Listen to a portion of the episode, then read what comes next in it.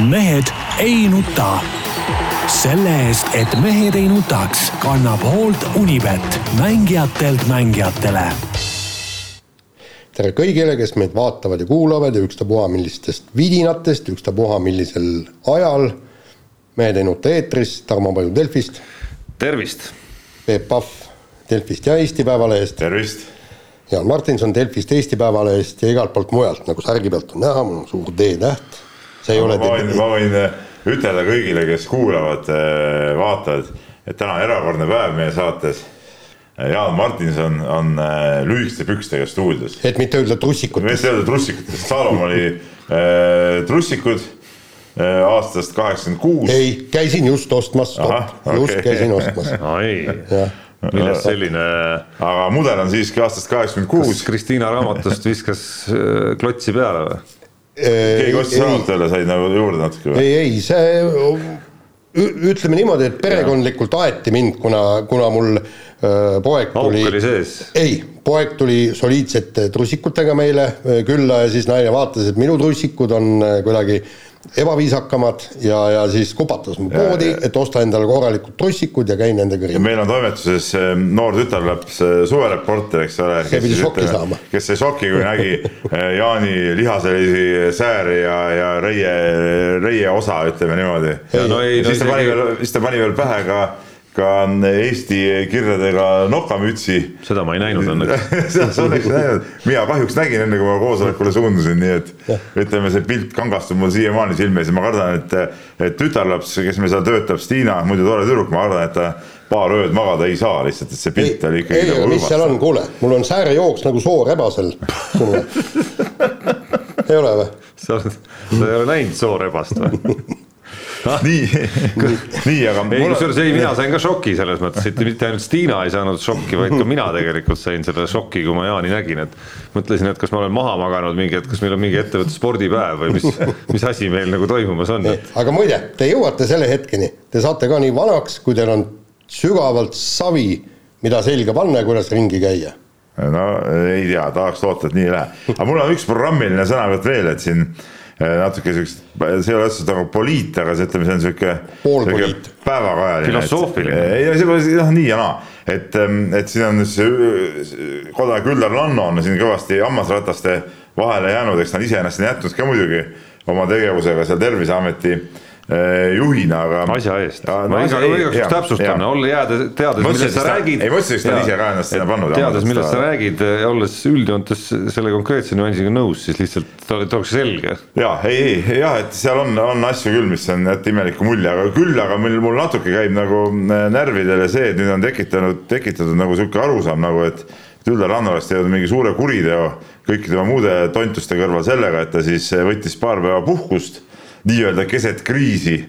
Ja siis tuli välja, et ta käis äh, lapse ratsutamisvõistlustel Soomes, et aitas siis äh, äh, hobust transportida, ma saan aru, Soome. Et nagu see oleks nüüd mingi hirmus kuritegu, vastupidi, ma tahan öelda, et see on, ma pakun välja viimase, viimase poolaasta kõige parem tegu, mis Üllar Lanno on teinud, et ta, et ega lapse võistlus ei tohi nagu selle läbi kannatada, et, et, et isal on mingisugune töö ja, ja peale selle ega, ega see mitte sinna Soome minek ei oleks neid öö, külmkambris riknenud vaktsiine kuidagi kasutamiskõlblikuks tagasi teinud ega, ega seda olukorda kuidagi lahendanud, nii et, et s- lapse võistlus on igal juhul alati isa jaoks, loodan ka ema jaoks kõige tähtsam asi, siin ei saa nagu, nagu mitte mingit muud juttu ollagi ja, ja siin, siin nagu küll kuidagi hukka mõista seda tegu ei saa. Aga ma olen ajapikku näinud, et, et kõige paremad ülemused tegelikult ongi need, kes löövad näiteks, meil oli Priit Hõbemägi, keda ma pean äh, väga heaks peatoimetajaks, tema lõi ju ukse kell viis õhtul kinni, sellepärast et äh, ta teadis, et kõik nii-öelda äh, järgmise astme juhid töötavad nagu prillikivid ja briljantselt, et temal ei ole seal vaja juures passida ja, ja see jutt, et, et, et need nii-öelda Lanno peakski, et umbes tulgu puhkuselt tagasi. ei, tegelikult vot see on nüüd La- Lanno enda asi, et ta eh, toob endale, loob endale säärase tiimi, mil, kelle peale ta saab olla kindel ja, ja ta ongi ei no rahulikult olgem puhkusel. ausad, muidugi asjad on ligadi-logadi seal Ei, noh, okei, vot see on, jah. süsteemis, aga ma mind just see konkreetne nüanss nagu natuke, et, et see, see, see tonaalsus oli nagu, on nagu vale olnud nagu praegu, et see oleks nagu mingi suur kuritegu, ei see kindlasti mingi kuritegu ei ole, et ta läks sinna lapse võistlusele, et see, selle vastupidi tuleb aplodeerida. just. ma üritasin siin vahepeal jutu taustaks lihtsalt leida soorebastest ka pilti, aga, aga no Google'i otsing on nagu soorebaste osas ära. ei, no sellepärast, et see on ära lörtsitud, see otsing, kui sa paned ainsuses soorebane, siis sa saad ainult need ristil, tead see tele, elektrimast, mis seal on uhke harkjalgadel, mille nimi on ah niisugune nimi on. ja siis, kui sa paned mitmuses, noh siis sa saad Vaiko Epliku vastava pealkirjaga laulu ainult. ja aga miks sa sealt otsid seda? siis aga vaata siia. ei no ma tahan, ma tahakski. Jaan astub praegu siia lauale. ja Jaan näeb, Tarmo näeb ka, milline on soorebase äh, säär. selles see point ongi, et, et ma tahaks, et tekiks see võrdlus ka, on ju. siis ma pean võrrelda. et kas soore, kas, kas. soorebane ei valla. no ei, ma saan aru, et ei valla, aga no see olekski väga efektne ikkagi. no vot, nii, nii., räägime spordist ja räägime kohe muidugi Euroopa. ei no siis tuleb, noh, ei no siis tuleb selle mastiga võrrelda, no mis siis ikka no.. no see mast, mast on ilus. mast on väga ilus. kõik no, mastid võiks olla siuksed kunstilised. soorebaslikud. see on nurgamast, selles on point. nii, nii., räägime jalgpallist ja Itaalia tuli Euroopa tšempioniks finaalis penaltitega, noh, selge see, et, et kes penaltid võidab, see on ju ammu teada, eks, et Inglismaa kaotab.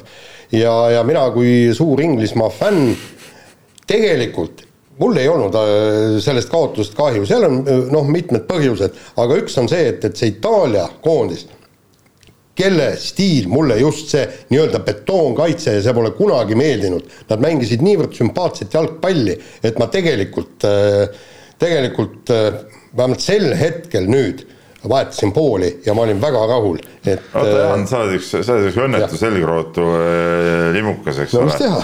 et niimoodi pooli vahetad ja nii, niimoodi asjad muidugi ei tohiks nagu käia, tähendab. kui sa oled ikka ühe satsi poolt, siis sa oled nende poolt. ei no kuidas mängu... tark inimene ikkagi ju kohandab vastavalt ei, uutele trendidele, uutele mingisugustele tõekspidamistele, muudab, kohandab. kui Itaalia ikkagi parandab oma mängu ja muudab selle Jaanile sümpaatseks ja mitte Just, ainult ei. Jaanile, vaid väga paljudele, ka mulle näiteks, siis äh, loomulikult äh, tuleb olla nende poolt. ei, ei, vot ma käisin siin eelmine nädal, äh, hea, hea kolleeg Ott Järvela kutsus mind oma jalgpallisaatesse ja ma ei tea, kas sa vaatasid, Tarmo, seda käisin seal rääkisin ka, kuidas asjad nagu tegelikult on see jalgpalliga ja ma rõhutasin ka selle seda, et, et kui sa oled eh, kellegi poolt, eh, ütleme, sa oled kellegi poolt, on ju, siis sa oled nende poolt ka siis, kui nad mängivad kehvasti või asjad ei suju, ikkagi elad üle need ajad nende poolt. kui sa oled näiteks ilus, no meil siit Eestist, olgem ausad, on ja. ju nagu tegelikult suht mõttetu valida endale igaveseks mingisugune konkreetne riik või klubi. ei, sa ei vali neid ju. no kuidas see tekib, no see tekib, näiteks nii nagu tuhat üheksasada, oota, oota,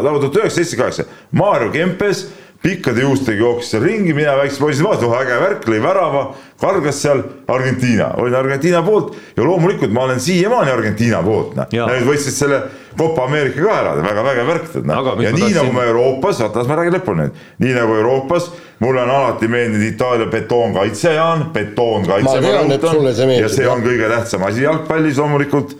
Ja Itaalial ei ole see kuhugi kadunud, loomulikult see kaitse on neil jätkuvalt betoonne, nii ja sellepärast ma nende poolt. no Peep, ma saan aru, on tegelikult pettunud ikkagi, et Itaalia mäng nii betoonne enam ei ole, sest põhirõhk läheb sellele, kuidas, äh, kuidas no. nagu efektiivselt äh, rünnakule minna. ei, ei no tegelikult ikkagi on, ütleme, kui neil on niisugune vägev keskkaitsepaar nagu Kellini äh, ja Panucci, siis see võib öeldagi, et see on betoonkaitse, loomulikult. aga mis ma tahtsin öelda, et noh, meil distantsilt omada sümpaatiat Itaalia, millel nagu sihukest nagu südant otseselt ei pruugi olla seal nagu nende riikide juures on ju, et kui Jaan näiteks, Jaan, paneme Jaani selliseks nagu Eesti, Eesti jalgpallifänniks, mitte tuulelipuks ja tema ja. põhiline kriteerium on äh, atraktiivne jalgpall, siis miks mitte ei või ta mingil hetkel Itaalia mitteaustajast saada Itaalia austajaks. atraktiivne jalgpall ongi betoonkaitse. ja aga äh, no, Peep, sinu jaoks. Peep ja Tarmo, et see oli nüüd selle, sellel EM-il, kui tuleb mm, siis ma loomulikult olen ikkagi inglaste poolt, kuigi, kuigi need fännid ajavad ikkagi tõesti äh, harja punaseks, see, kuidas nad laamendavad, möllavad peksavad. mõnitavad no, oma mõnetav. mängijaid kusjuures veel lisaks. ei no samas Inglismaa, ma olin näiteks poolfinaalis Taani, Inglismaa olin ma ka Inglismaa poolt, noh, ega siis see ütleme mingisugusest väiksest duellist, loomulikult sa valid mingisuguse poole, aga kui me üldiselt räägime, siis peab olema ikka sihuke selge eelistus noh. noh, tegelikult põhimõtteliselt äh, see oli nagu häbiväärne tegelikult, et sa finaalis mis on kõige tähtsam mäng, said omade vastu. ei, ma ei, ma räägin, mul ei ol-, ma ei olnud omade oma. vastu, ma vaatasin seda ma mängu. kogu aeg rääkinud siis... Inglismaa, nii kaua ma siis tunnen, Jaan, üle kahekümne aasta või kolmkümmend aastat. no aga mis omad nad ikka on, Eesti on oma. Inglismaa, Inglismaa, Inglismaa. see on sama hea kui mõned, oota, oota nüüd, see on sama hea kui mõned korvpallifännid järsku Leedu-Sloveenia mängu ajal olid järsku Sloveenia poolt, absurd ju. kogu aeg olete Leedu poolt olnud Žalgiris, Leedu, kõik vägev värk, näpud püsti ja nüüd järsku oled Leedu vastu, mis, mis lollus see on, ma ei saa aru. nagu kaks. mulle ka meeldis see, kuidas Sloveenia mängis. kaks äh, sümpaatiat hakkavad omavahel võistlema, siis sa pead mingi valiku tegema. mingi uus sümpaatia, see ei ole nagu sihuke igipõline, kelle poolt sa kogu aeg oled olnud. ei no sümpaatia on pigem isegi mitte Sloveenia, vaid Luka Dontšis. no jaa, aga see on, no see ei ole nagu see, sa võid jah, tore, mulle ka meeldib Luka Dontšis väga, sa tead väga hästi, eks ole, nii Sloveenia mulle ka nüüd, nüüd olümpiale ma loomulikult nende poolt, aga finaalis, kui nad mängivad Leeduga, loomulikult ma pean olema Leedu poolt, siin ei saa isegi juttu olla. nii, aga, aga nüüd räägi, räägi, räägime asjast ka, et tegelikult noh, see Ita.... ei no see ongi asi, selles mõttes, miks ei ole asi, ma arvan, ma, ma sekundeerin sulle, ajan Peepu veel vihasemaks. ma ei ole küll üsna, ma ei ole olnud nagu fundamentaalne Inglismaa pooldaja kunagi, et see, see nagu nii-öelda lemmikmeeskonna tiitel on läbi aegade kogu aeg lapsepõlvest saadik Hollandi käes olnud. aga noh, Inglismaa on pigem olnud seal suhteliselt nagu järgnemas, järgmiste nagu lemmikute seas, aga võimalik, et mingitest äh, muudest eraelulistest emotsioonidest ka haaratuna, kus Itaalia on muutunud äh, lemmikmaaks, aga see turniiri esimene mäng oli see, mis pani nagu ka Itaalia Just. meeskonnale kaasa elama sellel turniiril finaalini välja jah, ja, ja, ja, ja, ja, ja teine no., teine asi on nüüd see, et, et ikkagi kuidas see Itaalia ennast niivõrd hästi üles ehitas paari aastaga ja, ja, ja, ja leiti, leiti igasse positsiooni, no tundub niimoodi, et, et, et kui me hakkaks tõesti sümboolselt, ma lugesin Õhtulehe sümboolne koondis, seal olid üle poole olid itaallased ja, ja kui nii mõtta, siis, siis panedki kogu Ei, sümboolne. sama hästi see samasugune Itaalia koondis võib MM-il põruda täielikult, võib isegi MM-il mitte pääseda, nii nagu ta eelmine kord ei pääsenud, eks ole. see jalgpallis ongi, see käibki kõik niimoodi üles-alla, et sa ei saa nüüd nagu see, mis mind eriti käis nagu natuke tundus nagu imelik, seal hakati juba finaalijärgses stuudios ka, no kas nüüd AEC Ümaraks, kas nüüd Inglis või see Itaalia võidab MM-i ja võidab järgmise EM-i ja umbes kogu aeg jäävad valitsema. ei, kindlasti see nii ei käi, noh. et üks sihuke periood on olnud, kus see Hispaania periood oli, eks ole. aga ütleme, üle, ülejäänud need koondised on käinud ju üles-alla kõik Saksamaa tuli maailmameistriks pärast ei äh, osanud üldse nagu mängida. ei no sellist aga, võimu nad ka siiski päris ei näidanud, et nad oleks üle rullinud. või, või Kreeka tuli Euroopa meistriks, nad pole rohkem mitte midagi ei saanud. no ma arvan, et Kreekaga võrdlus Itaalia puhul ei ole päris kohane, aga, aga noh, fakt on ka see, et äh, kaks korda tuldi penaltitega välja sellel turniiril play-off'ist, et see ei olnud mingisugune äh, tohutu ülemvõim, millega siin rulliti. jaa, aga praegu ongi kõik need koondised ongi sedavõrd võrdsed ja kui, kui läheb selle penaltite peale ausalt öeldes, ma, ma leian, et finaal ei tohiks lõppeda ikkagi penaltitega minu arust ka mäng ju nii kaua kõigil tuleb ära. just täpselt, sellepärast et seal ei ole, seal ei ole vaja enam, muidu nad räägivad, et noh, et koormus tuleb liiga. ei ole vaja seda lisaaegust lõpuni mängida, nii nagu vanasti, kui see Bierhoff lõi seal Saksamaale, mäletad selle no. kolli, mis aastas oli, üheksakümmend kuus või? võis olla vist, eks ole, saad aru, ma mäletan. et siis, siis oli ka see äkksurmavärav, mis on okei okay värk ju, nii nagu, nii nagu hokis ja igal pool on. Nad võiksid teha niimoodi, mängivad kolmekümne minutilise lisaaja ära ja pärast seda läheb äkksurma peale, kõik punkt no mis äkksurm sulle siis nagu äh, selles mõttes annab, et siis mängid seal äh, nõrkemiseni, aina, aina no, ebaatraktiivsemaks see asi läheb, aina venivamaks, aina igavamaks. ei lähe. miks ei lähe? kõik saavad aru, et sa pead lõpuks värava lööma. no kuna kõik ei taha riskida samal ajal sellega, et sulle kas sa tahad, et jäähoki lisaajad on äh, eba, ebaatraktiivsed või? no jäähokil on äh, vähe teine süsteem ka muidugi, eriti põhiturniiri osas. ei, ma räägin praegu. riigil on mingisugune eraldi punktiarvestus seal, millega utsitati enne, kui tehti see süsteem hokis, et äh, viik garanteeris ju mõlemale ikkagi mingid punktid punktid. ma räägin praegu play-off'ist. Läks seal samamoodi, lisaajad läksid jamaks, aga mis seal tehakse, on see, et mehi on ka vähem jääl ju. no jaa, aga. jalkas ka siis või? no aga no, miks mitte noh. aga no okei okay,, me läheme. viis-viis noh, mis on siis? suure väljaku peal.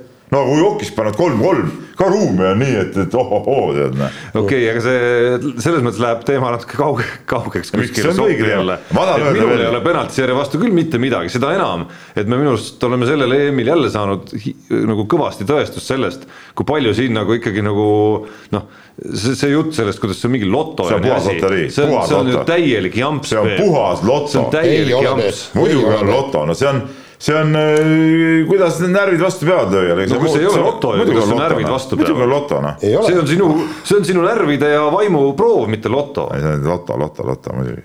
ja see väravahtide kaitsmine on ka suht loterii tegelikult ikkagi. loomulikult on. ja mis, millest mul üldse kahju oli. vahet pole, kas seal on äh, Donnarumma või Pahv või. no kuule, kuule me lõime ka Akselile penaltid kõik sisse. muidugi, muidugi. lõime ju ei löönud või? kõiki me kindlasti mina lõin viiest neli, ma ei tea, palju sa lõid. ja mina lõin viiest kolm. kolm vist lõin mina. no siis järelikult see on loto ju. ja kuidas see on loto, kuule ma olen päris hea penalti. ühe, ühe möhlasin ära, see oligi loto läks nässu, viiest viis oleks muidu olnud no.. et no tegelikult ei ole väravaid šansse. tuleb ikka korrata seda eksperimenti, ainuke jama on selles, Peep, et sa ei suuda sa ei suuda kunagi genereerida sama olukorda, mida need mehed seal teevad mingisuguste miljon, sadade miljonite pealtvaatajate ees seda pinget sa ei genereeri mida, kuidagimoodi seal Mihkel nagu- Aksalule Flora nii nagu korvpallis viimane minut hakkab viigiseisult, on ka loto ju see on puhas loterii, seal ju meisterlikkusega ei ole mitte midagi pistmist. vaba vise on ka loto, kas läheb või ei lähe? no viimase sekund vaba vise loomulikult. no kuule, Heino Kruus, kes pani ju see... otsustava Euroopa meistrivõistlustel liidu eest, pani otsustava vabaviske sisse ja siis selle peale no pani alt saia naisteks. ja siis selle peale ju ajakirjanik küsis, et, et kas see oli juhus ta ütles, et ei, ta ei olnud juhus, ma olen aastaid ja aastaid treeninud no, selle jaoks, et viimase, viimase sekundi vise sisse et, et korv, korvpallist ka viimane minut algab näiteks kaheksakümmend, kaheksakümmend, see on puhas äh, loto. puhas loto, kumb võidab? huvitav, et mingid mängijad ikkagi nagu äh, nendes olukordades selles lotomängus nagu võidavad tihedamini kui teised. viskavad rohkem sisse kui teised, ei mõnikord viskavad mööda, aga no. kuidagimoodi nagu rohkem viskavad sisse ikkagi kui teised. aga seal ei ole, et üks võistkond on tugevam, teine nõrgem, see ei ole see, sihukeses olukorras enam see välja ei tule, see on selge. et äh, siin on saanud, kui, kui sellest finaalist ja penaltiseeriast äh, konkreetsemalt rääkida, siis, siis äh, on huvitav nüüd jälgida neid reaktsioone, noh jättes need noh, ma julgen küll öelda, see fännide osa on nagu, kui Indrek Selinski rääkis, kuidas oli, debiilselt äh, sooritatud penaltitest, siis, siis sellele osale Inglise ja muudele fännidele saab öelda, et nad on tõesti debiilid, kes siin äh, süüdistavad, ähvardavad ja mida kõike te veel teevad siin mängijate ja treenerite suunas. aga et Garrett Southgate on saanud siis nagu kõvasti kriitikat selle eest, mis valikuid ta seal penaltiseeria lööjate osas tegi, et ta tõi seal lõpus mängu siis need kaks nooremat mängijat selleks, et nad penaltid lööksid, on ju Äh, mulle tundub, et see, see on nagu ilge annus nagu tagantjärgi targutamist ja tarkust on muidugi siin ka, et ma täitsa huvi pärast järgmisel hommikul läksin, vaatasin, et mis valikud siis Southgate'il seal nagu tolle hetke väljaku mängijatest nagu olid, on ju. Et noh, loogika järgi tegi ta justkui nagu õiged liigutused tegelikult, et need kaks venda, kes väljakule tulid, noh, olid ikkagi nagu aastate jooksul nii klubis kui Inglismaa noortekoondistes igal pool tohutul hulgal penalteid löönud ja noh, enamasti ikkagi väga hästi on ju. no mõtlen neid ju lambist neid käike. ja see vali, need valikud, kes seal olid nii-öelda nagu platsil olevatest mängijatest veel on ju, noh, olid nagu sellised, kes noh, sisuliselt polnud selles penaltite nii-öelda lehel, mida on võimalik väga lihtsalt guugeldada, peaaegu polnud nagu ühtegi ette näidata, mõnel oli aastate jooksul üks või kaks on ju, mille nad olid siis kuskil kas seerias või, või mängus lüüa saanud, on ju.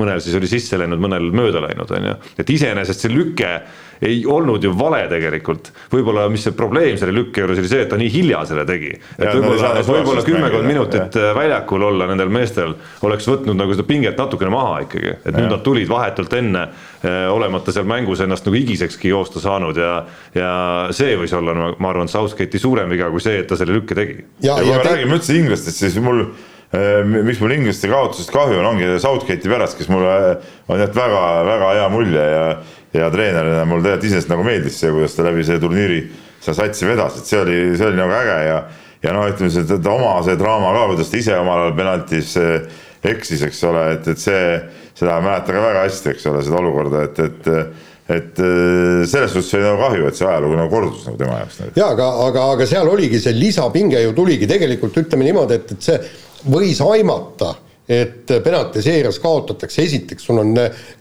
penaltiseer-, kaotatud penaltiseeriate ajalugu on punkt üks sul all, teine asi, et kõik räägivad, nüüd tuleb see karikas lõpuks koha, koju, eks, viiskümmend viis aastat ootust saab nüüd kõik läbi. noored mängijad ja keegi ei ole selle pinge all veel pidanud neid penalteid lööma.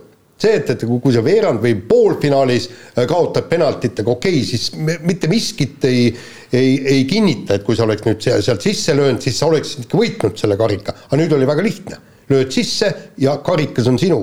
ja, ja, ja just see nii-öelda ingl-, inglaste poolt, nii publiku kui ka mängijate enda poolt iseendale laotud pinge et, et see oligi see, mis äh, pani nad eksima. jah, ja noh, see, kuidas see hargnes, see seeria Äh, aitas ka seal kaasa minu arust natukene, et äh, oleks see Rashfordi penalti, ma ei tea, kümme sentimeetrit või palju seal postist siis nagu paremale poole läinud ja sisse ikkagi veerenud sealt on ju no., siis ei oleks kahel viimasel lööjal äh, just seda pinget tekkinud, et kui ma nüüd eksin, et siis on nagu jõle hapu seis nagu majas on ju, et nad, nad oleks saanud nagu mingi väikse puhvriga tegelikult seda, järgmine mees, neljas mees oleks saanud nagu väikse puhvriga. sa kindlasti ise minu sõnu praegu endale märkamata. miks? sõna oleks tähendabki loteriid ei, miks? kümme sentimeetrit see, kus see pall, kas ta läheb kümme senti siia või sinna, see mis ongi, loogika? see ongi see oli ju tegelikult Rashfordi poolt halvasti sooritatud äh, üritus ja kogu lugu. ei olnud halvasti, see väga hästi sooritatud, see tühja nurka lõi ju kui sa ikka kindla peale,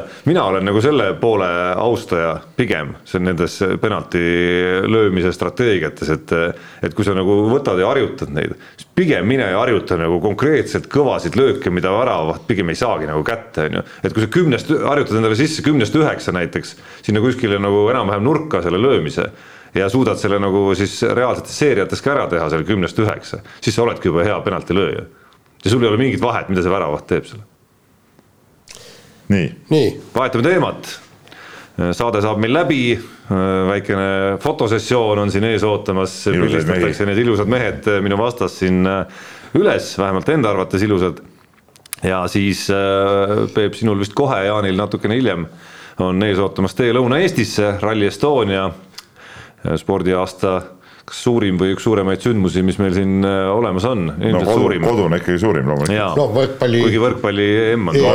ralli ja MM-etapp on vast ikka suurem asi. aga see ei ole hetkel põhiline arutelu koht, küsimus on selles A, kas Ott Tänak võidab ja B, kas ta üldse on peafavoriit, et siin Jari-Mati Latvala tuli eile välja siis teatega, et Kalle Rovanpera on tegelikult hoopis kõvem no mitte ainult Jari-Mati Latvala, aga David Evans, meie Just hea kolleeg äh, kirjutas, kirjutas sama asja ja, ja tegelikult äh, ma mõnes mõttes ma olen nendega nagu nõus, et, et esiteks Toyota on kiiretel teedel väga kiire ja, ja Kalle Romantperale need äh, sellised teed sobivad väga hästi ja nüüd ongi see küsimus, et, et. oota, ma ei mäleta, eelmine aasta, kes võitis Rally Estonia ja mis autoga seal sõideti? Hyundai aga no. Rompera kindlasti siis ei olnud veel äh, ka küps, ega ta ei pruugi ka praegu küps veel, see ongi küsimus, las ma lõpuni rääkida, küsimus ongi selles, et äh, kas äh, Rompera nüüd on selleks võiduks piisavalt küps, millest on nagu räägitud, eks ole, et tal see hooaeg peaks see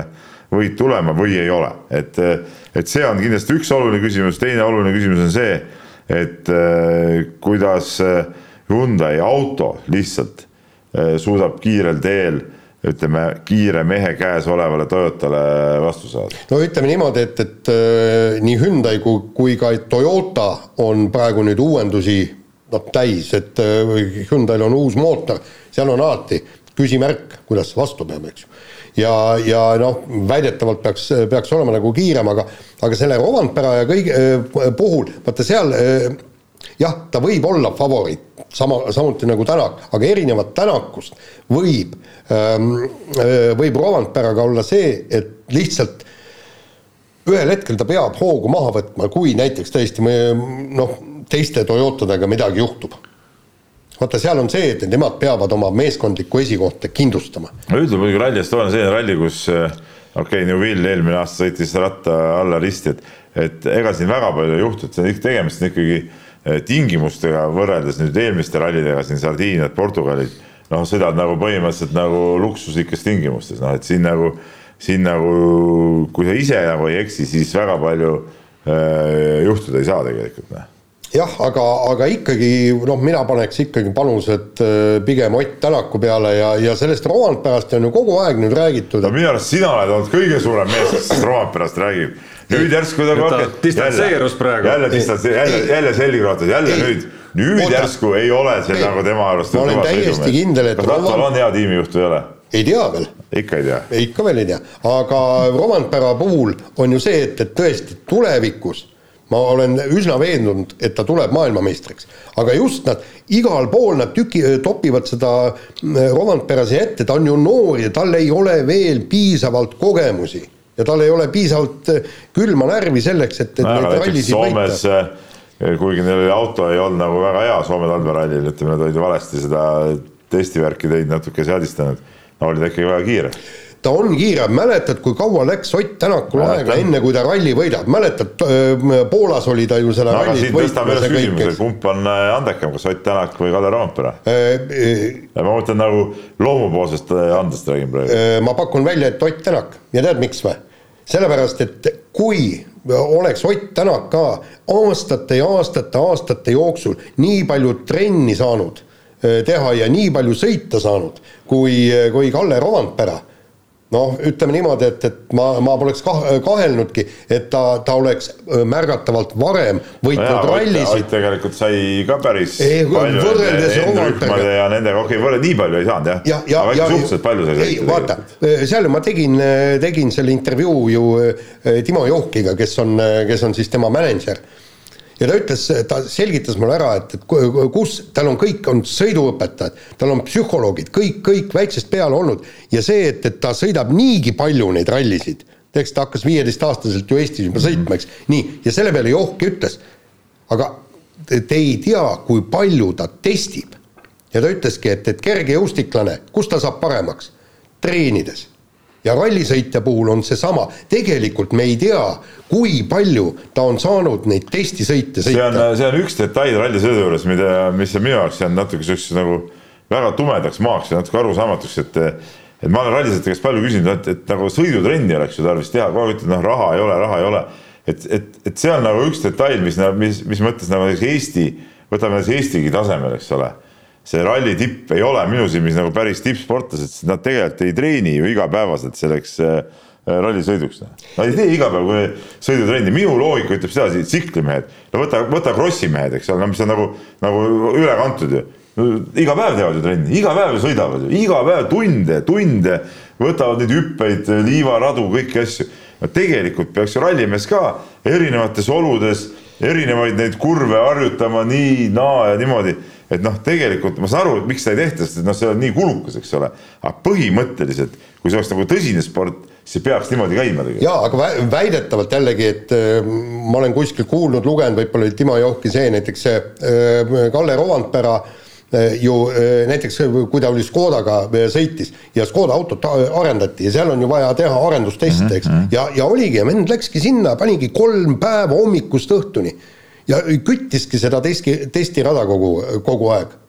Nii, aga tuues selle jutu nüüd Rally Estonia ah,, selle nädala Rally Estonia konteksti see tagasi, siis see ka veel ja, et noh, ega ühest küljest annab see Kalle Rovanperale mingi eelduse, et, et ta ei pea võib-olla nii pikka kadalippu läbi käima nagu Ott Tänak oma nii-öelda nagu õppetundide ja, ja, ja ebaõnnestumistega, enne kui, kui ta hakkab nii-öelda nagu leiab selle võiduvalemi lõpuks nagu üles, on ju. aga teisest küljest ei anna see ka Rovanperale mingit garantiid, et see no, juhtub. üks asi, mis räägib Rovanpera kasuks muidugi see, et äh, tal ei ole niisugust võib-olla võidukohustust või pinget peal, et, äh, et Toyotad seisavad äh, punktitabelis hästi, noh, keegi ei nõua, et ta tuleks maailmameistriks see hooaeg noh, okei okay,, see esimese võidu see sihuke kus ma ütlen, see punn on nagu ees, eks ole, see on nagu ainuke asi, mis seda mõjutab.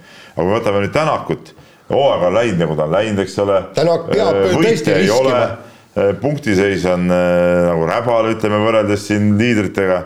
noh, ta nagu, no ta nagu peab võitma, eks ole, tal on nagu, tal on nagu see võidukohustus ja ta on tiitlikaitsja ka siin Rally Estonial koduralli publiku ees, ütleme Tänaku need pinged ja asjad on kindlasti palju suuremad. Noh. Ja. ja see, see, see võib mängida mõnes mõttes tema kahjuks, aga võib, võib ka kasuks muidugi. kuigi tulla. mingil määral muidugi on see maha ka läinud, ma arvan, sellise tabeliseisu juures, nagu see on, et ta on natukene, ta on natukene nagu väga suures kaotusseisus olev äh, korvpalli või jalgpallimeeskond, kus noh, kaotada pole nagu enam midagi, noh no jaa, aga vaata siin ikkagi see, et, et tal ei ole nagu maha mängida. sa pead võitma. tal ei ole nagu maha mängida midagi enam. maha mängida ei ole, aga võitma pead, näe. ei no kodus eriti, selge see, ma arvan, et Rompera pole midagi maha mängida. loomulikult tahab ta nagu kodupubliku ees eriti veel panna nagu saada lõpuks ometi mingit head emotsiooni, aga ma arvan, et natukene, natukene on see pinge võib-olla maha läinud. ja te, Thierry Neville juba ütles, et ma pean siin noh, põhimõtteliselt riskima hakkama.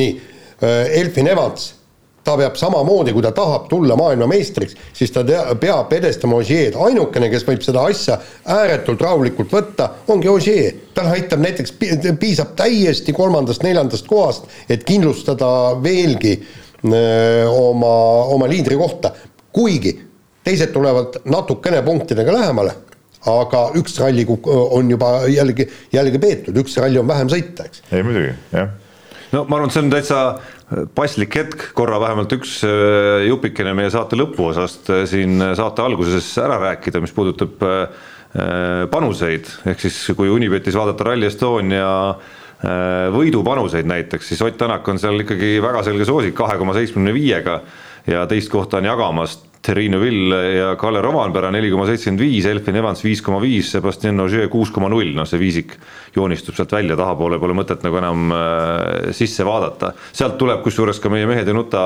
eripanus eripanus, äh, eripanus välja, ma loodan, et lähemate tundide, lähete, oota, lähemate tundide jooksul, kus siis nii Ott Tänaku võidukoefitsient, tema esikolmiku koefitsient kui ka Kalle Rovanpere võidukoefitsient saavad olema natukene tummisemad kui need, mis siin praegu üleval. Teemu Suninen viiskümmend üks koma null. noh, see esikolmik kaheksa koma null.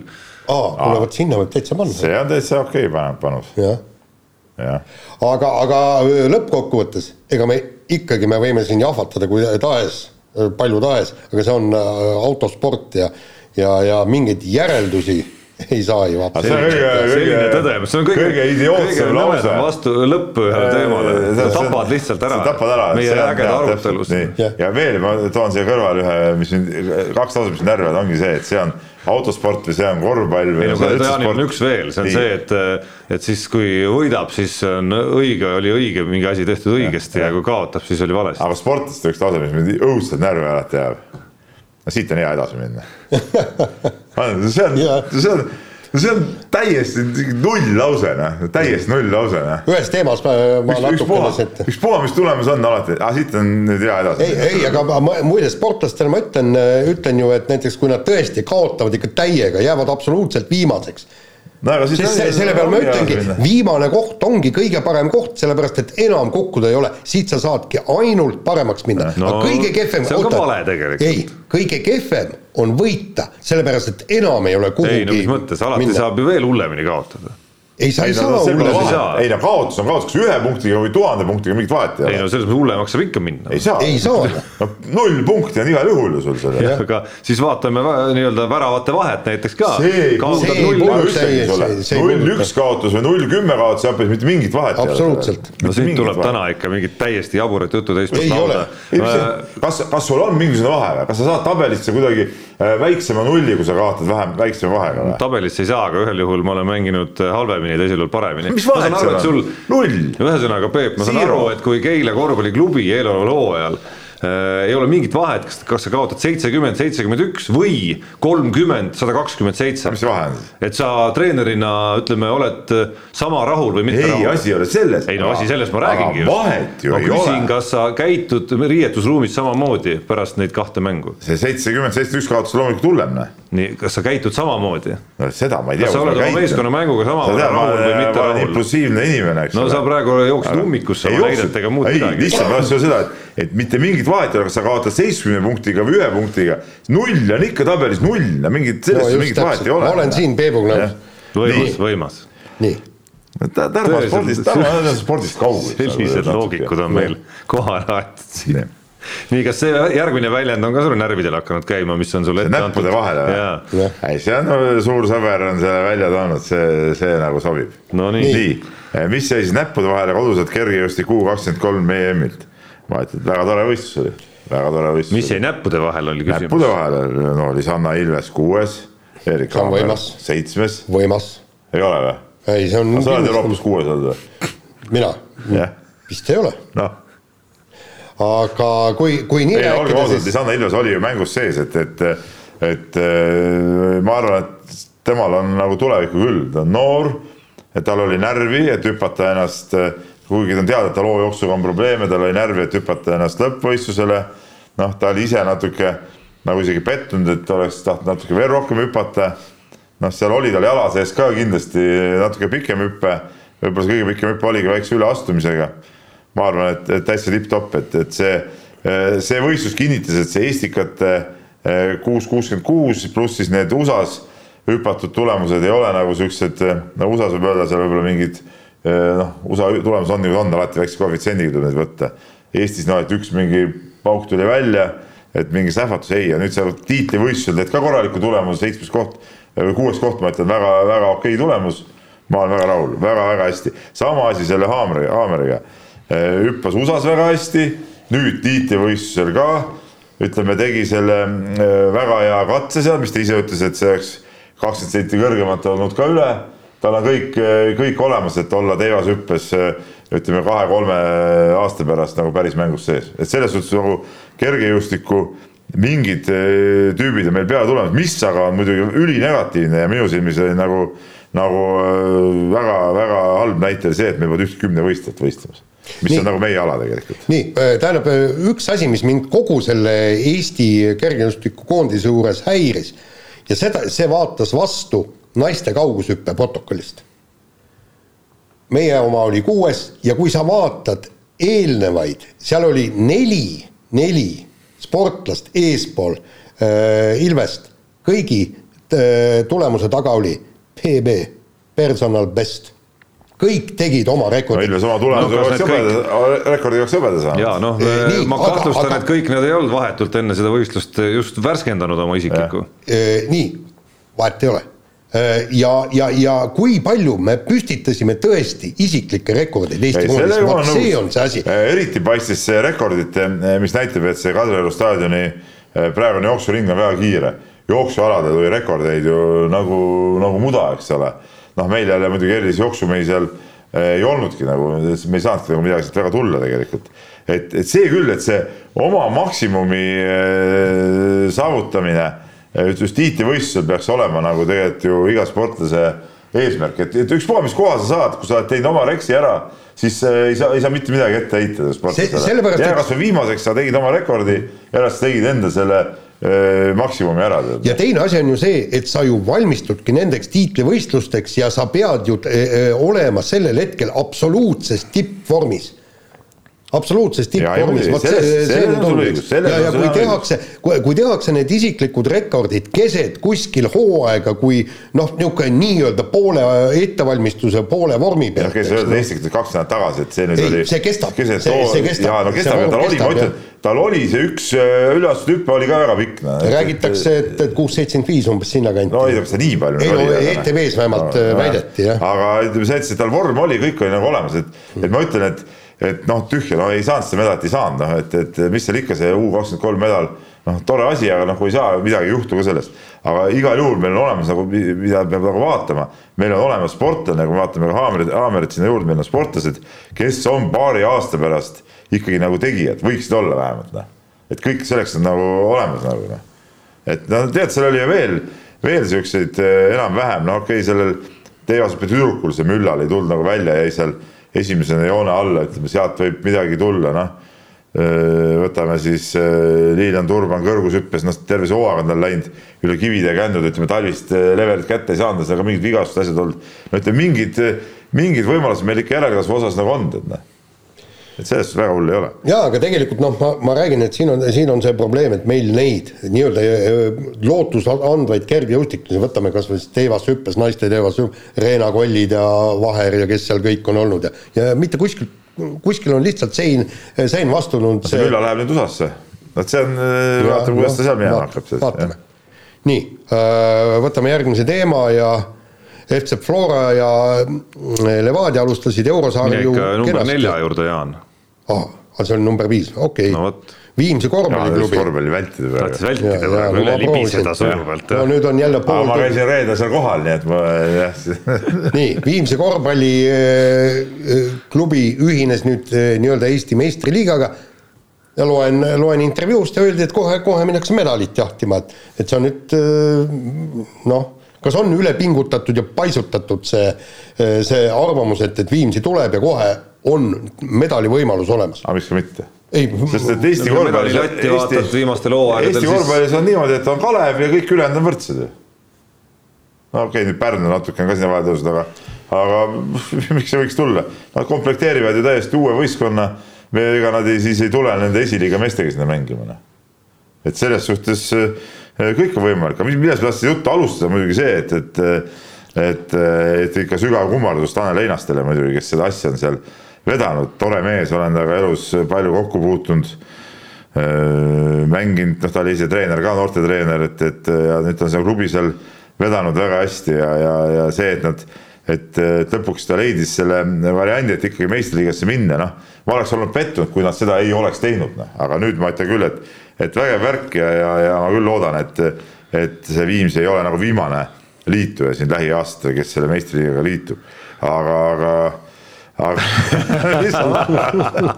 aga ma ütlen, et. tead, teiselt poolt Harjumaalt tahaks ka lisa, ma saan aru. aga ma tahan öelda seda, et, et, et nagu tundub, et neil on rahad ka nagu olemas ja nad saavad ikka komplekteerida täitsa normaalse meeskonna. ja ma täpselt seda skeemi seal ei tea, aga noh, Viimsi juba omavalitsusena võiks teoorias olla ju, ju, ju koht, mis suudab ka aidata kaasa seal, ma ei tea, kas vald.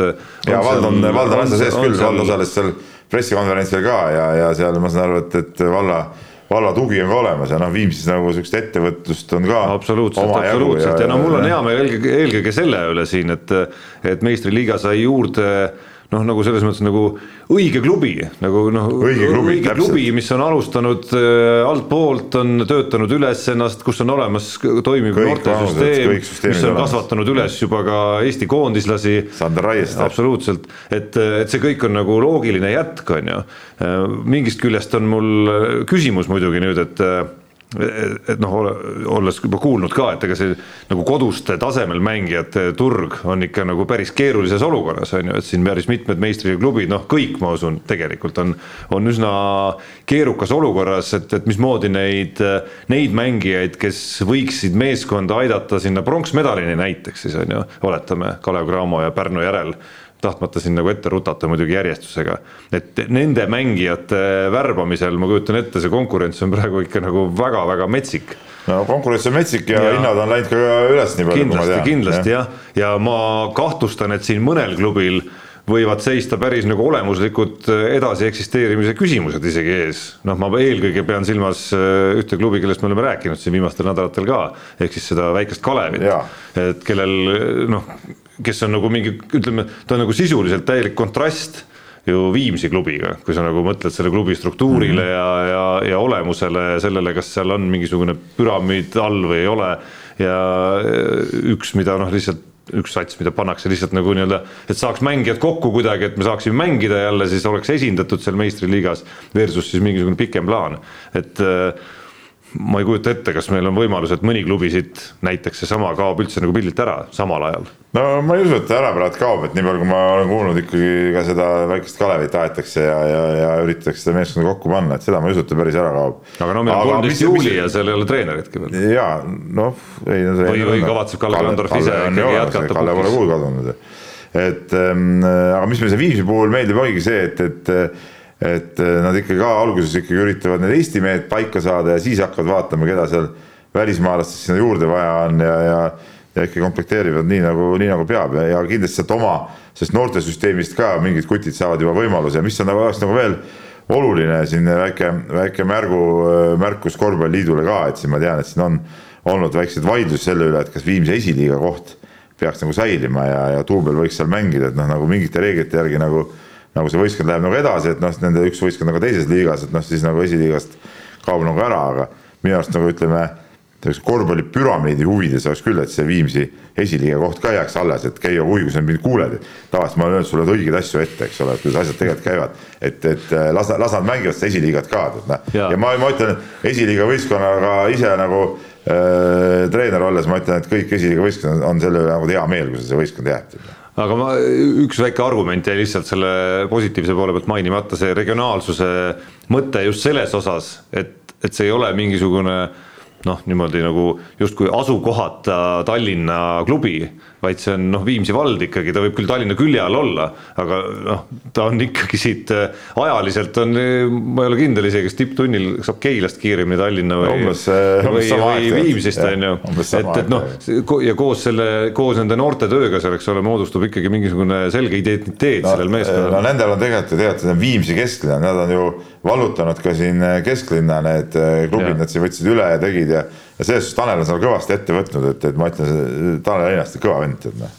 aga eh, saate esimese osa lõpetuseks eh, sutsu jalgpalli ka, FC Flora ja Levadia alustasid eurosarju kenasti. ühele kaks-null võit Malta klubi üle, teisele Gibraltari klubi üle kolm-üks ja Paide siis kaotas Ragnar Klavani debüütmäng oli see jah kaotas eh, Wroclawi Slanskile päris õnnetult üks-kaks. No ma ütleks nii, et see oli tegelikult ka kõva mäng. et see oli väga kõva mäng ja ma vaatasin nii seda mängu kui ka Flora jah. mängu tegelikult, mis oli ka väga äge mäng just koos selle äikesega ja, ja punase kaardiga ja sellega, mismoodi seal ikkagi lõpus need kaks äh, väravat äh, Rauno Sappinen ära naksas. seda Flora mängu ma ei näinud, aga, aga ma nägin seda äh, Paide mängu teist poolaega ja ma ütlen, et noh, arvestades ikkagi noh, Poola klubi, no kuidas, mis, mis tipp ta nüüd ikka nii väga on, noh, aga, aga aga Raul Ojassargi vist kuskil kirjutas, et ega see Poola, Poola on natuke ülehinnatud võib-olla need, need klubid, aga see selleks. aga, aga ikka kindlasti selgelt tugevam kui, kui Eesti klubid ja aga Paide sai väga hästi sai hakkama ja, ja väga hästi pusisid ja just õnnetu oli see, oli see värav, mis seal lõpus tuli, et, et eh, poleks seda tulnud, olekski väga timm olnud, seda enam, et et enam ju see võõrsil löödud värava mingit eelist ei ole, oleks saanud ju viigiseisvalt minna teisele mängule ka, et noh kõksa üks juhuslikult ära kusagilt ja, ja, ja hoopis teine asi, eks ole. Või pane betoon ette. paneb betoon ette, jah. ja, ja vaatame, mis sealt nüüd Florast saab, sest tegelikult kui ta nüüd selle seeria võidab, siis tal on veel kolm võimalust äh, jäänud selleks, et äh, jõuda siis selle, mis oli konverentsiliiga või mis iganes ta on, põhiturniirile. ja vot see oleks äge. nii, aga nüüd laseme kõlli. Kiire vahemäng ja, ja tegelikult on põhjendamatult äh, jäänud kajastamata või ala, on aja, alakajastatud ja, ja äh, põhjendada enda tänast artiklit.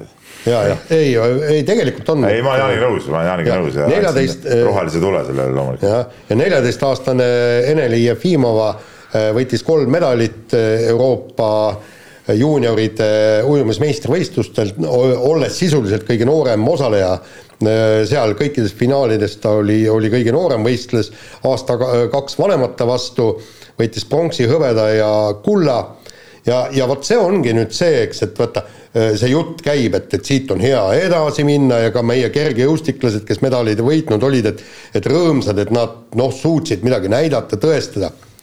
aga neiu ütles külmalt, et äh, olin natuke pettunud, et, et ei võitnud kolme kulda ja ka oli pettunud see, et ühtegi isiklikku rekordit ei teinud. kuigi treener ütles, et nad läksid medalite peale välja, mitte isiklike rekordite peale, eks.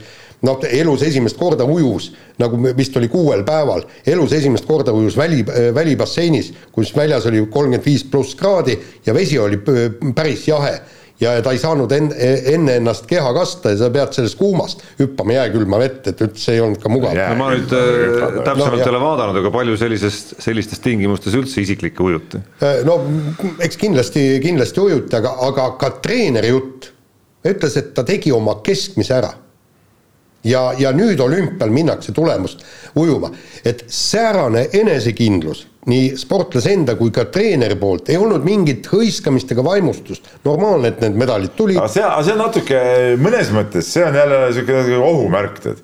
et, et, et kui nüüd tõesti need medalid temas mingit emotsiooni tekitavad. Ei no kindlasti tekitab siis see on jälle natuke masinlik tegutsemine ei, ta kindlasti tekitab emotsioone, tekitab rõõmu, aga ka natuke, mäletad, kui Kristiina Smigun tuli öö, öö, selle juunioride maailmameistrivõistlustelt, ta esimene kord sai kaks, kaks hõbedat ja. Ja kui ta aasta hiljem ka noorena, tal oli ju veel oli mitu aastat aega ja tuli taas kahe hõbedaga, ajakirjanikud proovisid öö, neid medaleid, et öö, näita neid, ei, ta oli need pannud koti põhja, määrdunud sokkide sisse ja ta ei võtnud neid välja lennujaamas, seepärast et need ei olnud tema medalid.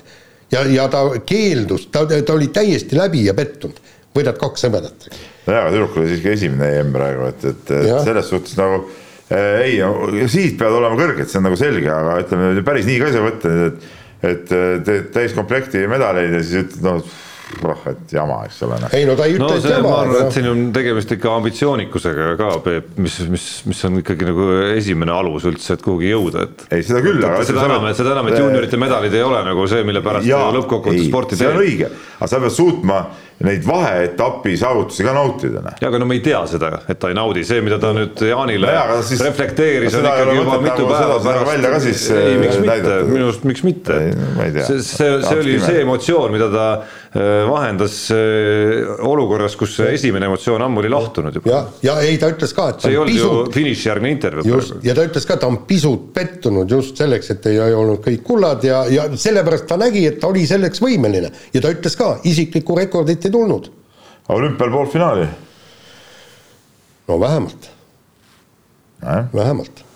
meie esijalgpallur Ragnar Klavan tunnistas aga eile Ringvaate saates, et äh, ega talle jalgpalli nagu ei meeldigi vaadata eriti, et, et MM-i ka sealt sõprade kõrvalt poole silmaga jälgis ainult.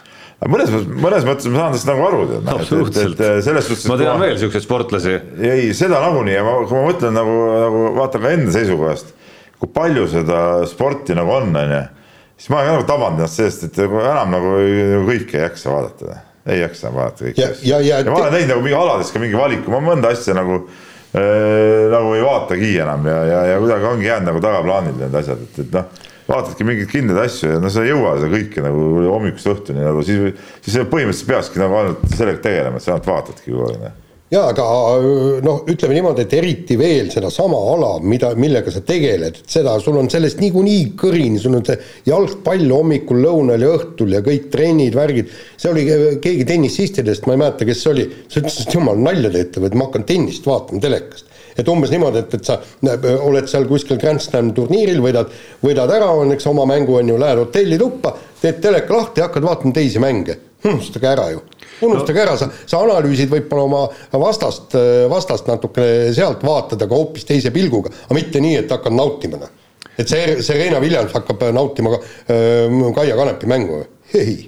No ma olen kohanud täpselt nagu hästi kahesuguseid sportlasi, ühed on äh, noh, pigem siis nagu Klaavan, eks ole, Tanel Tein meenub mulle korvpallirindelt eelkõige kui, kui mees, kes, kes nagu pigem nagu vältis ikkagi seda korvpalli nagu oma vabal ajal korvpalli jälgimist ja kõike seda, aga noh, siis olid alati olemas ka nagu teised äärmused ikkagi, kes, kes äh, pigem olid alati kursis, kui ma ei tea, keegi, keegi siirdus ühest klubist teise äh, kes mängis kuidas, kui kuskilt oli võimalik vaadata, siis vaatas ja nii edasi ja nii edasi, et no mulle, tundub selles mõttes Klaavani lähenemine sümpaatne, et äh, olles üle pika aja kodus, oli ta lõpuks EM-i finaali ajal lihtsalt sõpradel külas, keda polnud ammu näinud, siis loomulikult on olulisem see sõpradega jutustamine, kui, kui seal nina tele, telekas olemine. Nii on, nii äh, lähme tennise juurde ja, ja on küsimus, et kas Novak Djokovic siis saab kõigi aegade parim tennisist, nüüd triumfeer- triumfeeris Wimbledonis, jõudis sellega Roger Federeri ja Rafael Nadaliga ühele pulgale ja suur slam on ainult siis äh, US Openi võidu kaugusel. ei no. näe nagu väga vist varianti, kuidas ta ei saaks. ei no mis, lööb jälle palliga kohtunikku tal ju ükskord US Openil ju sellepärast No see õppetund on ka kätte saadud nüüd, et seda ka ilmselt ei tee enam. ja ütleme, vigastuse võimalus, aga ma ei näe tegelikult, ma ei näe ühtegi äh, tennisisti, kes võiks teda võita. Federer äh, langes juba siin veerandfinaalis, eks noh, no ja null kolm vist kaotas äh, settidega. Nadal ei tulnud üldse äh, välja, noh, ütleme ne- nendest meestest enam ei ole Djokovicile vastast ja nüüd noored on kõik üksteise järel, kõik Tsitsipas äh, Prantsusmaal, eks äh, siis äh, Danil Medvedjev minu meelest on ka tema vastu mänginud, nüüd see itaallane on ju, eks, ja, ja, ja, ja kõik saavad tappa. Ja, ja kes see oli, John McEnroe ütles, et kakskümmend viis Grand Slami võidab veel, mitte veel, aga kokku, praegu on kakskümmend. Ja nii ongi, nii lähebki, aga, aga ütlen, et, et huviga ootan US Openit, ma tahaks oma silmaga näha, kuidas võidetakse Grand Slam. ja ei, see oleks väga muidugi. tuleb võtame, Jaan komandeerida New Yorki, ma saan aru. ei, ei no ma aitab sellest, kui ma äh, vaatan telekast seda, nii ja Jaan saab niigi see aasta palju reisida, Jaan tuleb isegi olümpiat varem tagasi, sest ta peab minema ju Belgia rallile. ja, ja, ja nüüd, nüüd põrutan veel Tartusse, no see on ka ju nagu, nagu mingi väljamaa. tähendab, tähendab muuseas see Tartu reis, ma nüüd vaatasin, nüüd ma nagu täna lähen, eks ole, ma olen siis, mis ma olen siis viis päeva, kuus päeva seal. see on tegelikult ju, see on ülikahjulik käik ju tegelikult. ülikahjulik käik, sest teadupärast Eesti-siseseid komandeeringuid ei tasustata tänapäeval enam. Sa pead käima seal kolm korda, ei mis sa arvad te, tegelikult on ju, sa pead käima kolm korda päevas väljas söömas ja lõpuks sa oled miinuses sellega ju noh. et selles suhtes on see, see, on, on see väga täielik jama tegelikult. ei tegelikult, tegelikult see seadus, mis tehti mingi hetk, et Eestis võeti komandeeringu rahad ära, oli tegelikult vale oota, mingist päevast edasi need ikka ju mingid rahad on, ei ole? ei, minu teada ei ole, ma täpselt ei tea ka tegelikult. ei ole jah. nii, nii, aga, aga. see-eest on seal väga head söögikohad, võin teile listi anda ette. ma tean Tartu söögikohti väga hästi, jah. aga ei, kui nõud vajad, siis ma tean ka neid uusi muuseas, mis seal nii-öelda Tartu telliskivi rajoonid, no Peep on meil, Peep on meil tuntud ikkagi nende telliskivi rajoonide spetsialist ikkagi ma olen seal käinud söömas mitu korda seal Tartus. käid seal söömas, nautimas söögikohti ja sakutamas tänapäeva vabameelsemat noorsugu Neid lak-, lakitud küntega noormehi no, või? Neid ja küllap sa leiad veel kedagi, keda sa ma leian ikka jah ja.. nii et tartlased, Tartu Telliskivi rajoonis, hoidke alt, täna lõunal juba Peep stardib Tartu et kõik, poole. kõik kahtlased elemendid, et mitte minu silme alla sattuda. jah, ja, ja, ja võtke küünelakiga või, või küünelakk kütte pealt ära ja ruttu tead. Nii, aga maailma enam teeniv äh, sportlane Conor McGregor sai kelleltki peksa, murdis jalaluu, ma ei vaadanud seda. ei ta peksa ei saanud ju, ega ta tegelikult no eks ta tegelikult oli seda raundi väga selgelt kaotamas ka no,. raundi, aga see polnud matš ei olnud, aga noh, ta. see oli alguses. jaa, aga noh mul oli nagu hea meel ausalt öeldes, no mitte selle üle, et oma jalaluu murdis. lihtsalt noh, raske on tunda sümpaatiat eh, sellise inimese suhtes ja tegelikult, ma saan aru, et see selline nagu noh, matšieelne sellega, ma ei tea, eesti keeles ei olegi head väljendit sellele sõnale trash talk äh, et see käib nagu eriti võitlusaladel käib nagu noh, ütleme nagu show business'i. jalaga löömine. jah, show business'i juurde on ju, aga noh, ütleme on neid, kes teevad seda justkui nagu mõistlikkuse ja viisakuse ja kuidagi nagu nagu inimeseks olemise nagu piires ikkagi ja siis on need, kes noh, kes lihtsalt näitavad minu arust oma äärmist ebaintelligentsust üles ja, ja nagu rumalust ja mida kõike veel on ju. ja noh, sihukest nagu igasuguse austuse puudumist, et mulle nii, nii olgu see poks või, või vabavõitlus, et noh, meeldivad ikkagi need sportlased, kes suudavad enne matši kindad korraks kokku ka lüüa ja pärast matši kaotaja suudab võitjale au anda ja suudavad uuesti kätt suruda, et et kõik, mis on nii-öelda võitlusareenil, on võitlusareenil ja kõik, mis on enne ja pärast, on midagi muud, on ju.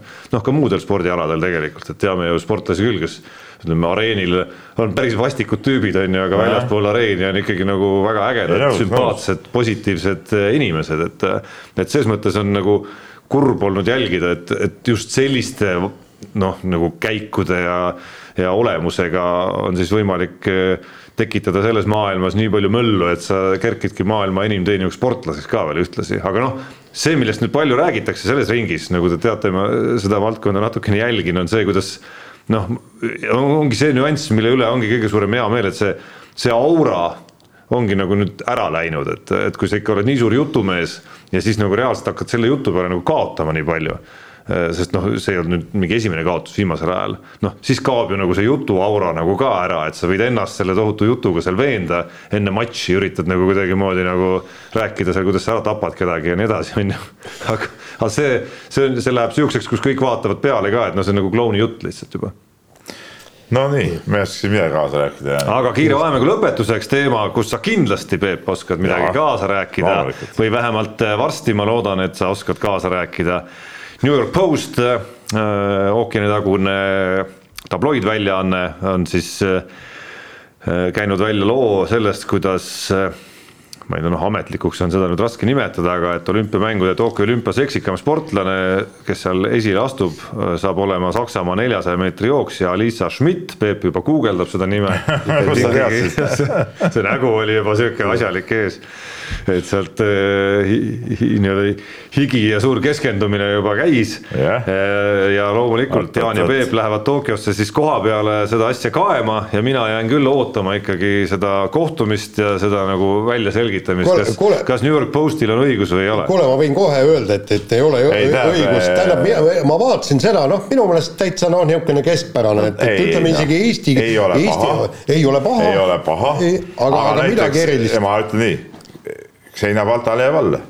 no me- minu meelest on, võtame Eesti vehklejad, kes meil sealt veel lähevad, veetlejaid, no siis pole midagi rääkidagi. No ei, absoluutselt. Julia Beljajev paneb No. sotsiaalmeedias siukseid pilte, et ohohoo, tead noh. noh, Erika Kirpu ja No,, ja noh. no absoluutselt, no ütleme niimoodi, et, et lihtsalt ameeriklase New York, mis iganes ta oli, Times või mis ta oli, Post, ei jaga lihtsalt asja. aga no ega ta midagi, ega ta, ega ta nüüd paha ka ei ole, Jaan. Ja ei, ei, ega ta ei ole, selles suhtes aga- ma sind nagu staadionile ikkagi ei lase see aasta, tähendab sina kergeatleetika staadionile ei saa tulla sellepärast, et liiga vana mees seal, liiga palju paljast ihu on seal ja see võib sulle mõjuda su tervisele nagu halvasti. Et vehklemisareen- ja seal on hästi kaetud kõik, näo kaetud, midagi ei näe, eks ole jah, täpselt, kõik see kus, rahulikult kus seal veel on äh, rohkem kaetud et sportlased? ma võtan selle kergejõustiku vaeva nagu enda peale, ma pean seda nagu Raskuse. piinlema, pean nagu piinlema seal neid vaadates seal tead noh. no just no tõeline, tõeline suur juht ikkagi, kes Jaa, nagu ikkagi raskemad tükid, raskemad palgi, palgi raskema otsa nagu endale ja, Jaa, ja siis äh, kergema jupi annan siis jah. nagu. sa oled nagu Jüri Ratas, võtad isegi Jah. palgi, võiks öelda Jah. nagu oma õlule. ja no ma usun, et siit, siit on kerkimas esile Ekspress Meedias iga aasta algul, kui toimub äh, uusaastapidu, siis vaata jagatakse ka erinevaid Auhindu. auhindu, auhindu Jah. ja seal on ka üks auhind on vist aasta kolleeg. ja ma loodan, et sa esitad mind sellele, sellele ja auhinnale. mingid, mingid kategooriad olid veel, et noh, siit praegu ikkagi üks suur soosik noh aasta kolleegi tiitlil noh, alati või no päris tihti ikkagi toimetuse erinevad assistendid on muidugi hästi esirinnas. Aga siin ma tunnen praegu, et siin on kerkimas praegu tõsine konkurent. Peab hoiatama Jah. meie asja, meie toredaid et just, assistente. just sellepärast, et hoian nagu Jaani tervist. nii, aga laseme nüüd kõlli. Unibetis saab tasuta vaadata aastas enam kui viiekümne tuhande mängu otseülekannet. seda isegi mobiilis ja tahvelarvutis. Unibet, mängijatelt mängijatele no nii, Unibeti koefitsiente me tegelikult ralli saate osas juba puudutasime, ilmselt tuleb käia ka läbi see valusam osa, mis puudutab eelmise nädala no panuseid, siin midagi head rääkida ei ole. mul ka mitte. no siis äh, lähme edasi. jah, ütleme niimoodi, et, et ma, ma nüüd kaks nädalat tagasi kõrvetasin oma näpud nii ära, et nahk pole veel peale äh, kasvanud, nii et, et mul on nüüd niisugune tunne, et seekord nagu ma mängin tast nulli enne, kui see üldse see asi kõik nagu läbi saab. ja no minul on vähemalt see tore asi, et ma tegin kaks panust, mis mõlemad olid, lähtusid sellest sellest argumendist, mida Peep on muidugi aastate jooksul kõvasti sarjanud, et sa nagu paned panuse millegi peale, mida sa tegelikult ei taha, et juhtuks. jälle, ja üks neist oli seesama Conor McGregor kusjuures ja teine oli siis äh, juba varem, ütleme sel hetkel, kui Itaalia oli jõudnud finaali, aga Inglismaa-Taani ei olnud veel mänginud, sel hetkel panin Inglismaa meistritiitli peale ja see oli siis päris hea koefitsient vist. no siis eh, noh, ta ei olnud nüüd nagu nii hea, ta oli midagi kaks koma midagi seal ikka, sest, sest Inglismaa oli ikkagi väga selge soosik Taani vastu. kaks Või oli- koma ei ole mõtet panna, ma ütlen sulle, noh.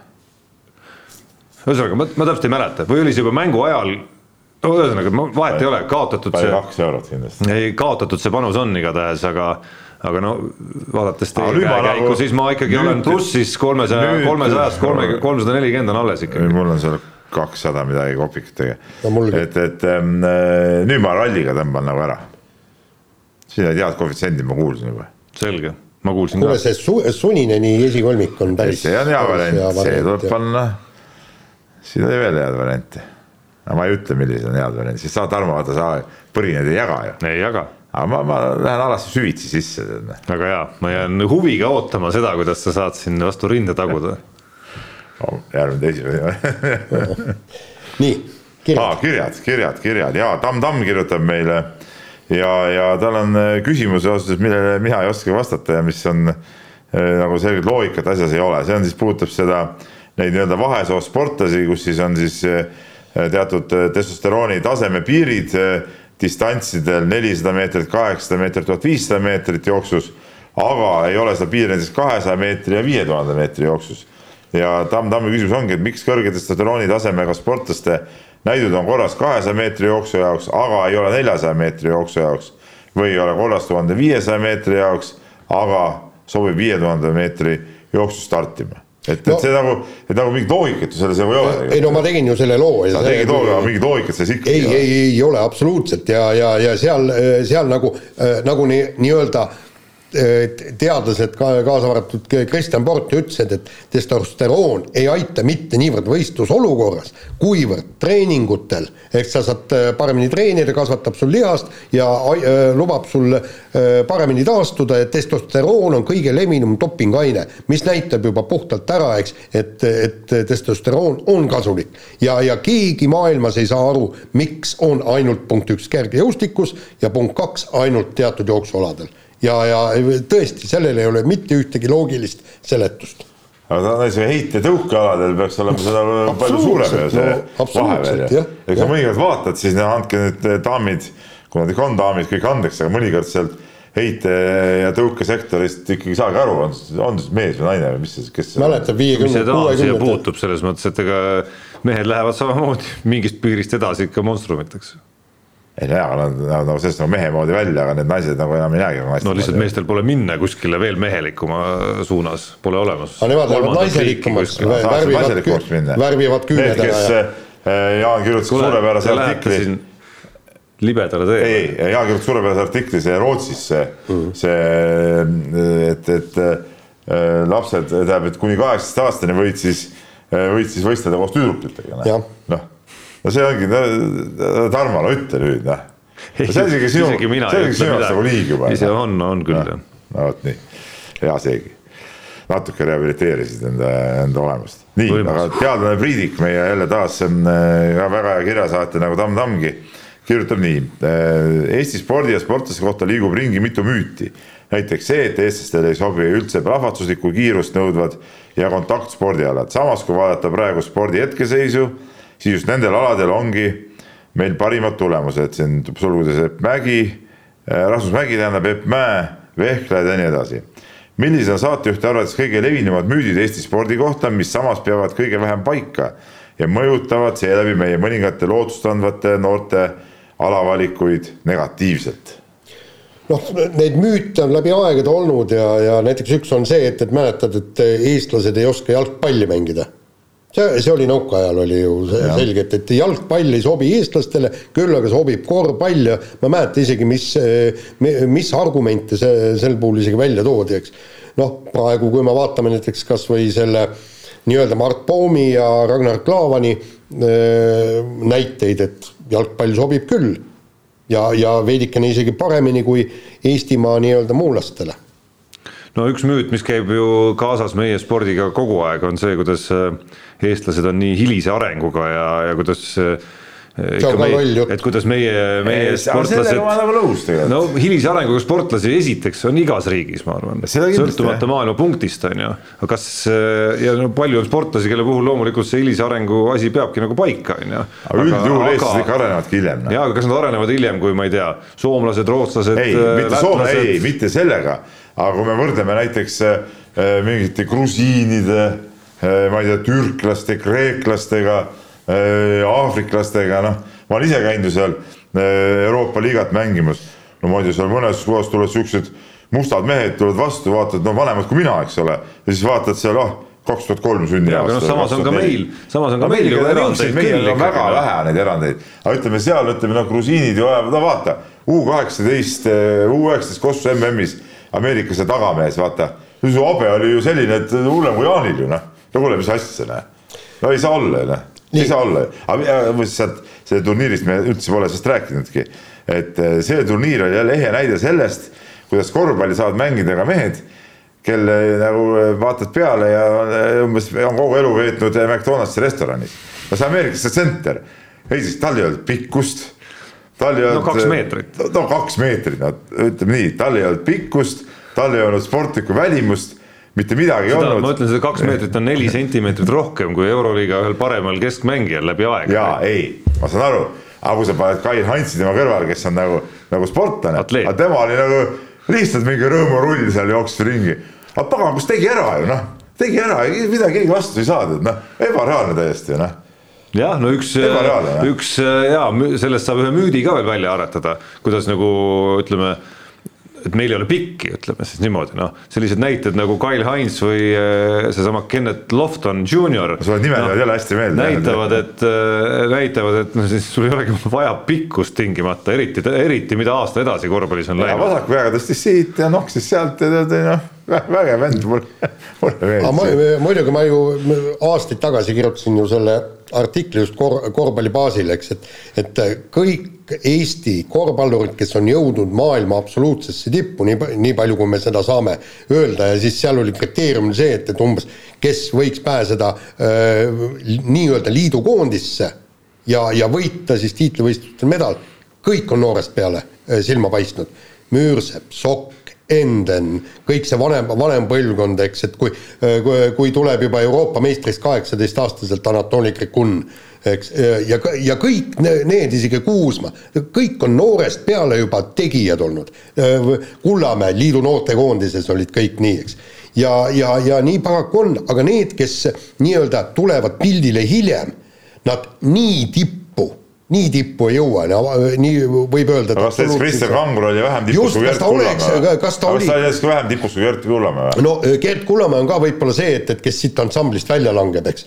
et ma ei ole kindel, kas no, Gert... Rauno Pehka, kuueteistaastased Kalevis, aga te olete jõudnud mitte kuhugi ju suures pildis. väga kõva mängumees, aga see nagu, ma ütlen nagu see suures pildis ta ei jõudnud ju päris just, aga, aga kas Kristjan Kangur oleks liidukoondisse kuulunud? kui paneme kõik lätlased, leedulased, kõik, kõik. jah ei no kindlasti ei oleks. no vot. noh, ma teisest küljest ütlen, kuidas sa Pehka kohta ütled, et ei jõudnud kuhugi on ju. mängis tolle, tolle aja Kalevis, eks ole. see oli vale, vale, ma ütlen sellest nagu, nagu välismaa mõttes, kui me praegu räägime, kes nagu kõik, keda siin ette loeti, jõudsid nagu kuhugi päris tippu. tolle aja Kalev, Kalev Cramo, tahtsin öelda Kalev Cramo, tolle aja Tallinna Kalev oli midagi muud kui tänavune Kalev Cramo, lihtsalt juba süsteemi erinevuse mõttes. ei, ma natuke parandan jah, et selles suhtes Pehka muidugi oli nagu meie mõistes nagu ülikõva ja, ja väga kihvt vend ja sümpaatne, aga ütleme selles korvpalli tipu mõttes ta ikkagi no jah, klubi tasemel, eks ole, klubi tasemel jah, et ta ei mänginud. Käis paar korda välismaal, aga need ei olnud nagu mingid kohad. siis Iisraelis, Belgias, eks ole, et need ei olnud ka halvad kohad, on ju.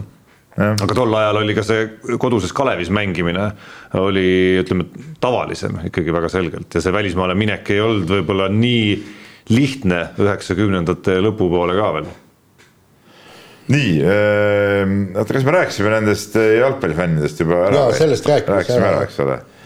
siis ma võtan siin ühe äh,, siin seda küsiti, ma, et kõik aru saaks, et äh, Inglise jalgpallifännidest oli juttu, aga mul tuleb debiilsetest, sellest debiilsest ja, osast ja, nendest fännidest, loomulikult ei saa öelda ühe mütsiga nende kõikide kohta, aga no see märatsemine, lõhkumine, staadionide tungimine, no eriti oma mängijate nagu mõnitamine. see on, see on ropp, see on ropp jah, siin ei saa midagi rääkida nii, aga ei, vastaste mõnitamine samamoodi, no aga selle poolest on tuntud juba paljud fännid.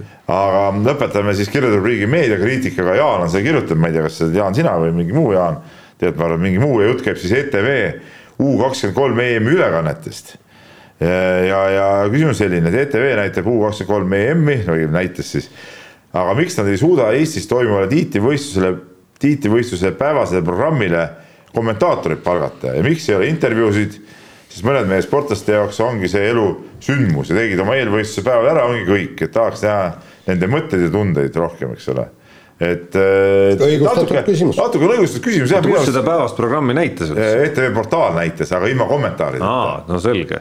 siis ma, ma olin sellest infost ka väljas, ma vaatasin, et meie Äh, meie kolleegid saatsid mulle telefoni Delfi spordirakenduse omajatele siis selle nii-öelda teate, et nüüd hakkab otsevlogi pihta, võistlus hakkab, läksin klõpsima telekat, ei leidnud sealt midagi.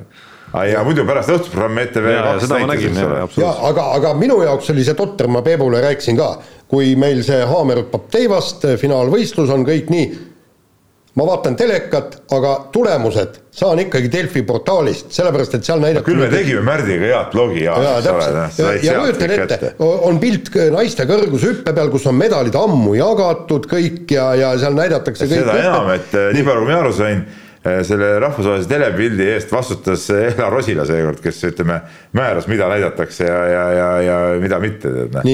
aga las ta tegi muidugi, olgem ausad, naiste kõrgushüppes osales ka selle võistluse üks suurimaid staare, et eks see noh, eks siin ongi need dilemmad nagu. ja, ja nii, aga, aga, aga siis öelge mulle siis see tulemus lõppude lõpuks ära sinna vahele, mis Aamer tegi. nii, siis läheb äh, pilt Eivas hüppe peale, siis hüppab seal mingisugune prantslane, siis itaallane ja siis lõpuks öeldakse, et noh, et, et Aamer hüpet me ei näita, aga, aga ta ajas sellel kõrgusel lati maha. No andke andeks no telekat vaadates ma ei peaks blogist tulemusi otsima. ei, ega tasub, see tänu, tänu sellele, mis blogi loetus oligi nagu hea. see, see Jaan ongi see asja mõte. ei, ma olen alati mõelnud, et mis inimesed seda blogi nagu loevad, kui on teleülekanne, aga kergejõustikus tõepoolest kergeatleetika, sihuke ala, kus sa ei saa kõiki korraga telepilti võtta, seal on see blogi. no aga kommentaator okay. võib öelda, ta võib selle hüppe ajal öelda. ära nüüd ärgita, meil ja. oli hea loetavus, loodame, et nüüd tuleb see U kakskümmend see nädal, et kõik jätkub samamoodi. no okei okay just. nii, nii, ja muidugi see... nüüd äh, äkki äh, reklaaminurk ka siia saate lõppu, et äh, Delfi vahendusel siis muidugi loomulikult ralliblogi äh,, igast huvitavad äh, videod, intervjuud, kõik vaadake sealt, pluss siis see kergeatleetika, et et nädalavahetus siis taas ikkagi nagu Delfi spordilainel, muud Delfit ei ole eriti vaja vaadata, sealt mina midagi ütlen, sport. mina ütlen siia, et mitte ainult nädalavahetusel siiski. see hakkab ju varem pihta juba, jah? õige. ei no aga täna, mis siis, et need ei ole pihta hakanud veel no täna meil blogi veel ei ole, ma rääkisin blogidest praegu. imelikke reegleid sead sa siin. ei, jutt käis blogidest. jutt käis blogidest praegu, sa püüa nagu laiali no, küsida. ja ütleme jutt, et noh, okei okay,, las ta. tähendab seda, põhimõtteliselt ma ütlen veel, et ärge seda ütleme, Tarmo orkestreeritud koroonahüsteeria lugusid ärge lugege kus see hüsteeria siin veel on ma loodan, et inimesed saavad aru, et see delta tüvi, mis siin pead tõstab praegu, ei ole enam mingi naljaasi. et kõik meie kuulajad, kes ei ole veel vaktsineerima läinud ja ma ütlen, et äh, sa nüüd, Peep, saad ise ka aru, et, et sa sisimas äh, ja ka täiesti sõnades liitud sellega kiiresti aegu kirja panema. ja ei, ma ütlesin oma trennis ka poistele, et, et kõik peavad käima ära vaktsineerimas, et niimoodi ei saa trenni tulla siin kahjustate võistkonda sedasi. et täna veel jõuate nii, et täna veel peaksite enam-vähem jõudma nii, et sügiseks on äh, teine doos ka käes. just, nii, aga sellega lõpetame saate ja siis ja, äh, täpselt nädala pärast oleme me siin stuudios, kohvrid käes. kohvrid näpus sõna otseses mõttes. ja siit sööstame kohe lennuki peale, lendame Tokyosse, aga järgmine teisipäev me oleme ja oleme sealt tagasi tulles söönud nii palju äh, sussit ja, ja, ja, ja asju, et, et ohohoo. seal on omad joogid ka ju täitsa. on sake. saket, aga eh, siiski ka just rääkisime, meid ei lasta seal eriti kauplusesse kuskile, just Ats Kuldkepiga eh, eile, kes on meie delegatsiooni koroonaohvitser, arutasime, et et ikkagi tuleb võtta kodunt ka vägijooke kaasa, sest õhtul tarvis ju hotellitoas ütleme koguneda ja, ja millegi taga ütleme päevasündmusi nagu arutada see on nagu koroona ennetustöö ka just. jah ja, ja, desinfitseerida on tarvis. jah, noh, desinfitseerime väljast, eks, ja seest ka natukene kahju, et seda noh. mina, mul on autos see desinfitseerimispudel on ja siis ma lasen käte peal, ma teen niimoodi õlevast ikka üle, et pitsil-, patsilid siit ka ära saada. ei, ei, aga kuule. lased siia. ei, aga Peep. ja siis suhu ka törtsud, et. kuule, aga, aga, aga miks ei võiks me politsei peab kinni kuule, aga miks ei võiks seal eh, seina peal igal pool olümpial ka olla nii ka sisemine desinfitseerimisvahend, lased seal niimoodi pitsi täis. ei, ja näed, seisad see suu lahti, lased törts suu ja. jah, nii, nii., aga selge, meie saade on läbi ja järgmine kord vaadake taas. mehed ei nuta. saate tõi sinuni Unibet, mängijatelt mängijatele